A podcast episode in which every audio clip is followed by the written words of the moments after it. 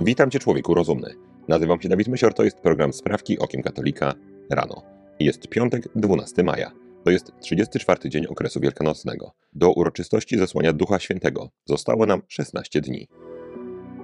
Węgry.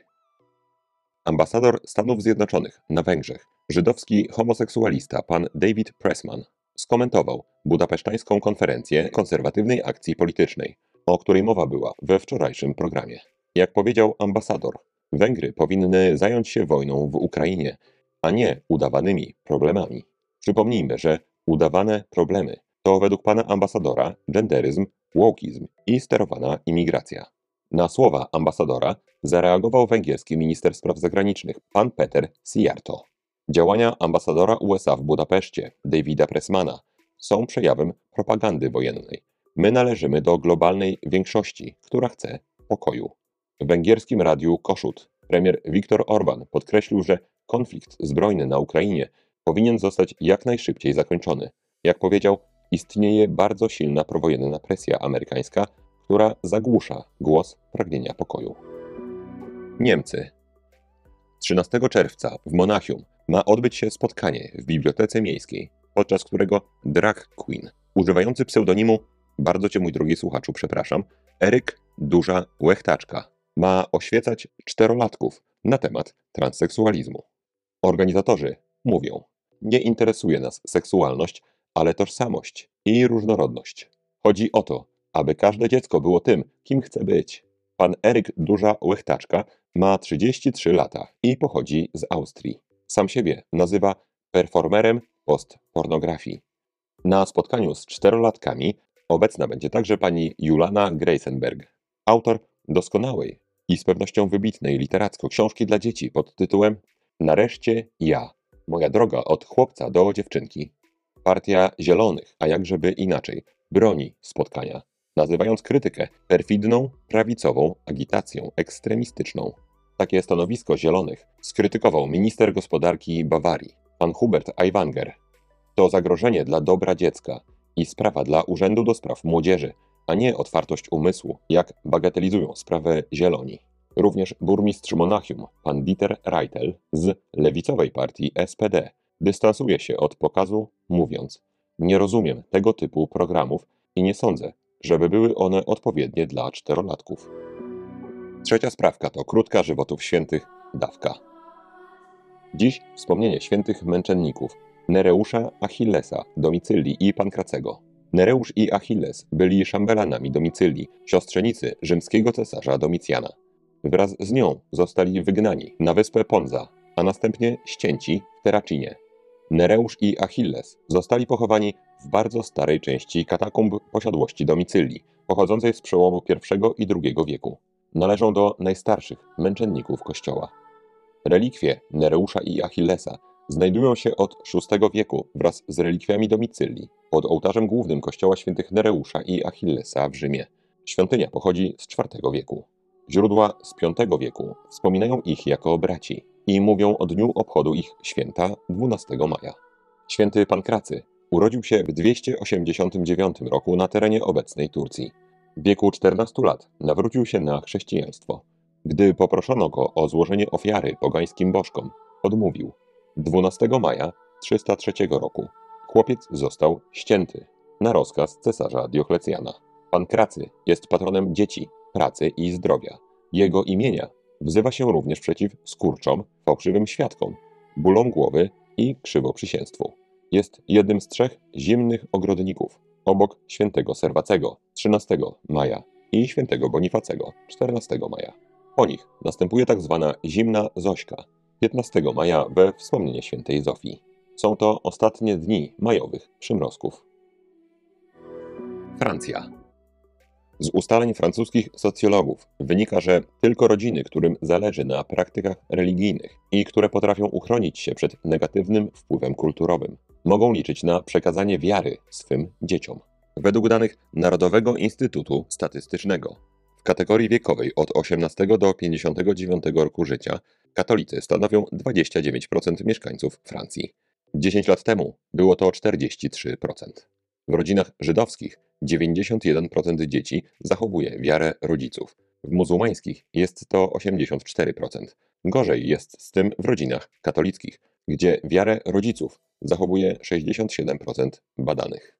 Decydujące znaczenie mają w tym wypadku praktyki religijne, takie jak modlitwa, msza czy pielgrzymka. Socjolog profesor Pierre Brechon zauważa, że skuteczne w przekazie wiary okazują się te rodziny, które potrafią uchronić się przed obcym wpływem kulturowym. Są to więc rodziny raczej konserwatywne i prawowierne, które dbają o katolickie wychowanie swoich dzieci poprzez staranny dobór szkoły i środowiska przyjaciół dla nich.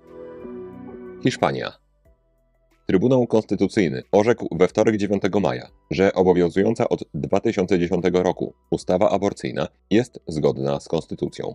Sędziowie Hiszpańskiego Trybunału Konstytucyjnego stwierdzili, że można zabić nienarodzone dziecko, pod warunkiem, że nie dzieje się to pod przymusem. Potwierdzili także, że w sytuacji zagrożenia zdrowia lub życia matki maksymalnym terminem, w którym można zabić dziecko, jest 22 tydzień ciąży. Orzeczenie zapadło podczas głosowania, w którym brało udział 11 sędziów Trybunału. Siedmiu z nich poparło możliwość zabijania nienarodzonych dzieci jako zgodną z konstytucją, natomiast czterech sędziów było przeciw. Od 1985 roku aborcja w Hiszpanii była dopuszczalna w niektórych przypadkach. W 2010 roku rząd lewicowy wprowadził dzieciobójstwo na życzenie.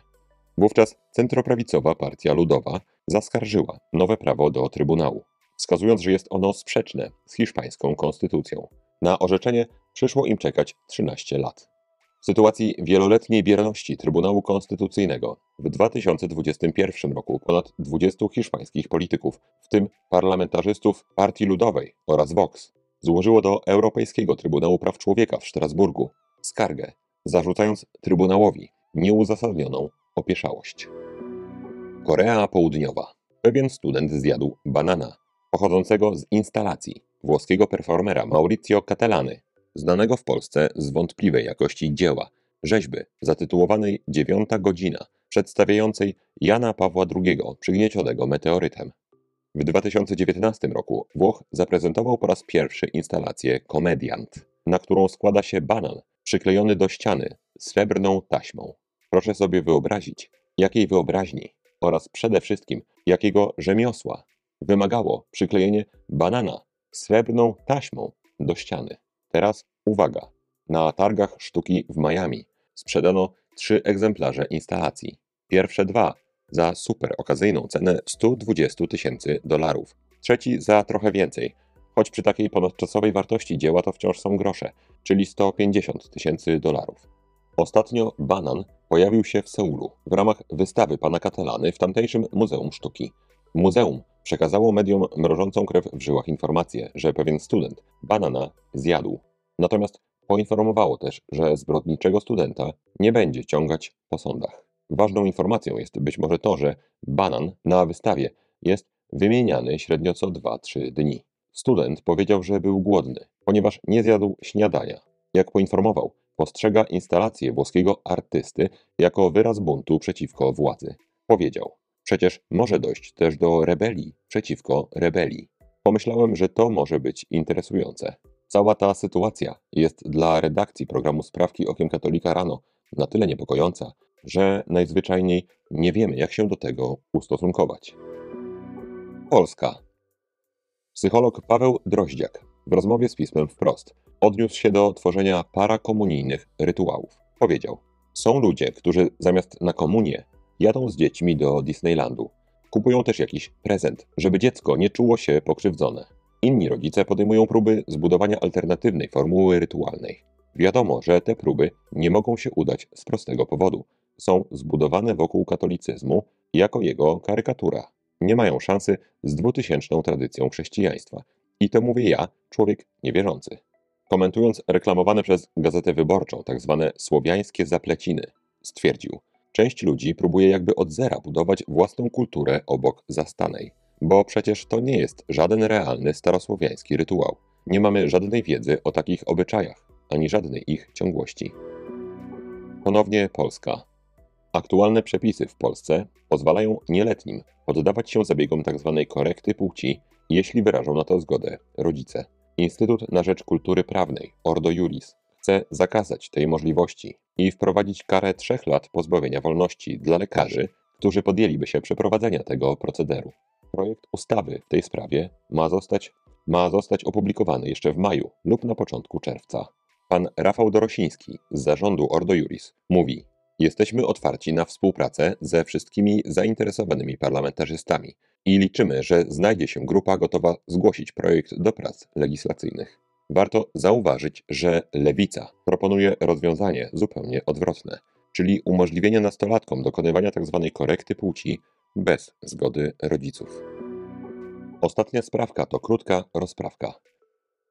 Czymś, co niemal w pełni spenetrowało nasze rozumy, nasze rodziny i niestety nasz Kościół, jest liberalizm. Czym jest? Liberalizm to sposób myślenia i działania, w którym sprawuje się kult niezależności każdej dziedzinie, aż do granic absurdu. Ta zwodnicza i wywodząca się z ideologii satanistycznej filozofia namawia rozum do niepoddawania się rzeczywistości i prawdzie. To rozum ma tworzyć rzeczywistość, a prawda ma być poddana ciągłej ewolucji. Wszystko jest relatywne i subiektywne. W rzeczywistości Pan Bóg dał człowiekowi intelekt, aby ten poznawał rzeczywistość. Intelekt ma się poddać rzeczywistości, a nie próbować ją kreować. Wszystko jest takie, jakie jest, a nie, choć przekonują nas do tego niezliczone współczesne brednie, takie jak my to naszym rozumem uczynimy. Osoba poszukująca prawdy musi wyrzec się siebie, wyrzec się wszelkich tworów własnego umysłu, wyrzec się wymyślania prawdy. W subiektywizmie najważniejszy jest człowiek, a rzeczywistość jest tym, czym człowiek chce, by była. W takim wyobrażeniu prawda jest rozdawana wszystkim według jego potrzeb i chęci. A absolutnie największą zbrodnią, jaką według liberała może popełnić człowiek, to twierdzić, że posiadł prawdę. Taki człowiek to fundamentalista z klapkami na oczach, który nie rozumie, że prawda jest wciąż tworzona. Ten człowiek boi się myśleć. Ten zarzut jest niezwykle śliski i obrzydliwy, gdyż to właśnie liberał morduje swoje własne myśli na ołtarzu niezależności myślenia. Prawdziwie wyzwolony rozum to nie jest rozum, któremu wolno wszystko, ale rozum, który jest wyzwolony od swojego ego i który w sposób nieskrępowany swoim ego, emocjami, uczuciami, pragnieniami może szukać prawdy. Ojcami tej choroby umysłu, jaką jest liberalizm, byli Kartezjusz, Kant, Rousseau i Marcin Luther. Ich z kolei ojcem jest wiadomo kto.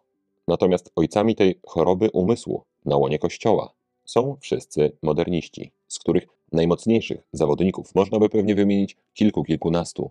Na przykład ojca Taylarda de. Ten człowiek, niestety pod szyldem katolickości, w przebraniu pseudonauki i pseudomistycyzmu, osiągnął szczyty absurdu. Materia staje się duchem, natura staje się nadprzyrodzona, ludzkość staje się Chrystusem. Bla, bla, bla. Czyste AIDS. Dlaczego to jest takie ważne? Bo dla wiary katolickiej liberalizm to jest zabójca. Subiektywizm myślenia to dla wiary katolickiej AIDS. Rzekoma ewolucja Kościoła, czy na przykład tak zwana wiara żywa, to naprawdę jakby jeść muchomory. Jakiekolwiek włączanie emocji w tematach wiary, to jakby poruszać się po Krakowie z mapą Warszawy. Tu idziemy, tu idziemy, tu skręcamy. Oj, przeszliśmy na wylot przez szybę sklepu. Obmywamy twarz z krwi i wracamy do naszej mapy. Liberalizm w myśleniu, mój drogi słuchaczu, jest już obecny absolutnie wszędzie. Tak też, niestety, nauczyliśmy się formować myślenie naszych dzieci, ale o myśleniu dzieci być może w jednej z najbliższych rozprawek. Pamiętaj proszę, rzeczywistość jest zawsze taka, jaka jest, a nie taka, jaką ty lub ja ją chcemy uczynić. Kościół współczesny, Kościół dzisiejszy, czy Kościół żyjący to są pojęcia trujące. Prawdziwy Kościół jest zawsze ten sam. A dobro to dobro, zło to zło, prawda to prawda, a fałsz to fałsz, bez wyjątków. To na dzisiaj wszystkie sprawki okiem katolika rano. Jeżeli chcesz mi pomóc, daj proszę na YouTubie łapkę w górę pod tym filmem i napisz komentarz. Święci Nereuszu, Achillesie, Domicyllo i Pankracy, módlcie się za nami. Człowieku rozumny, trzymaj się, nie łam się i bardzo Ci dziękuję za Twój czas. Z Panem Bogiem.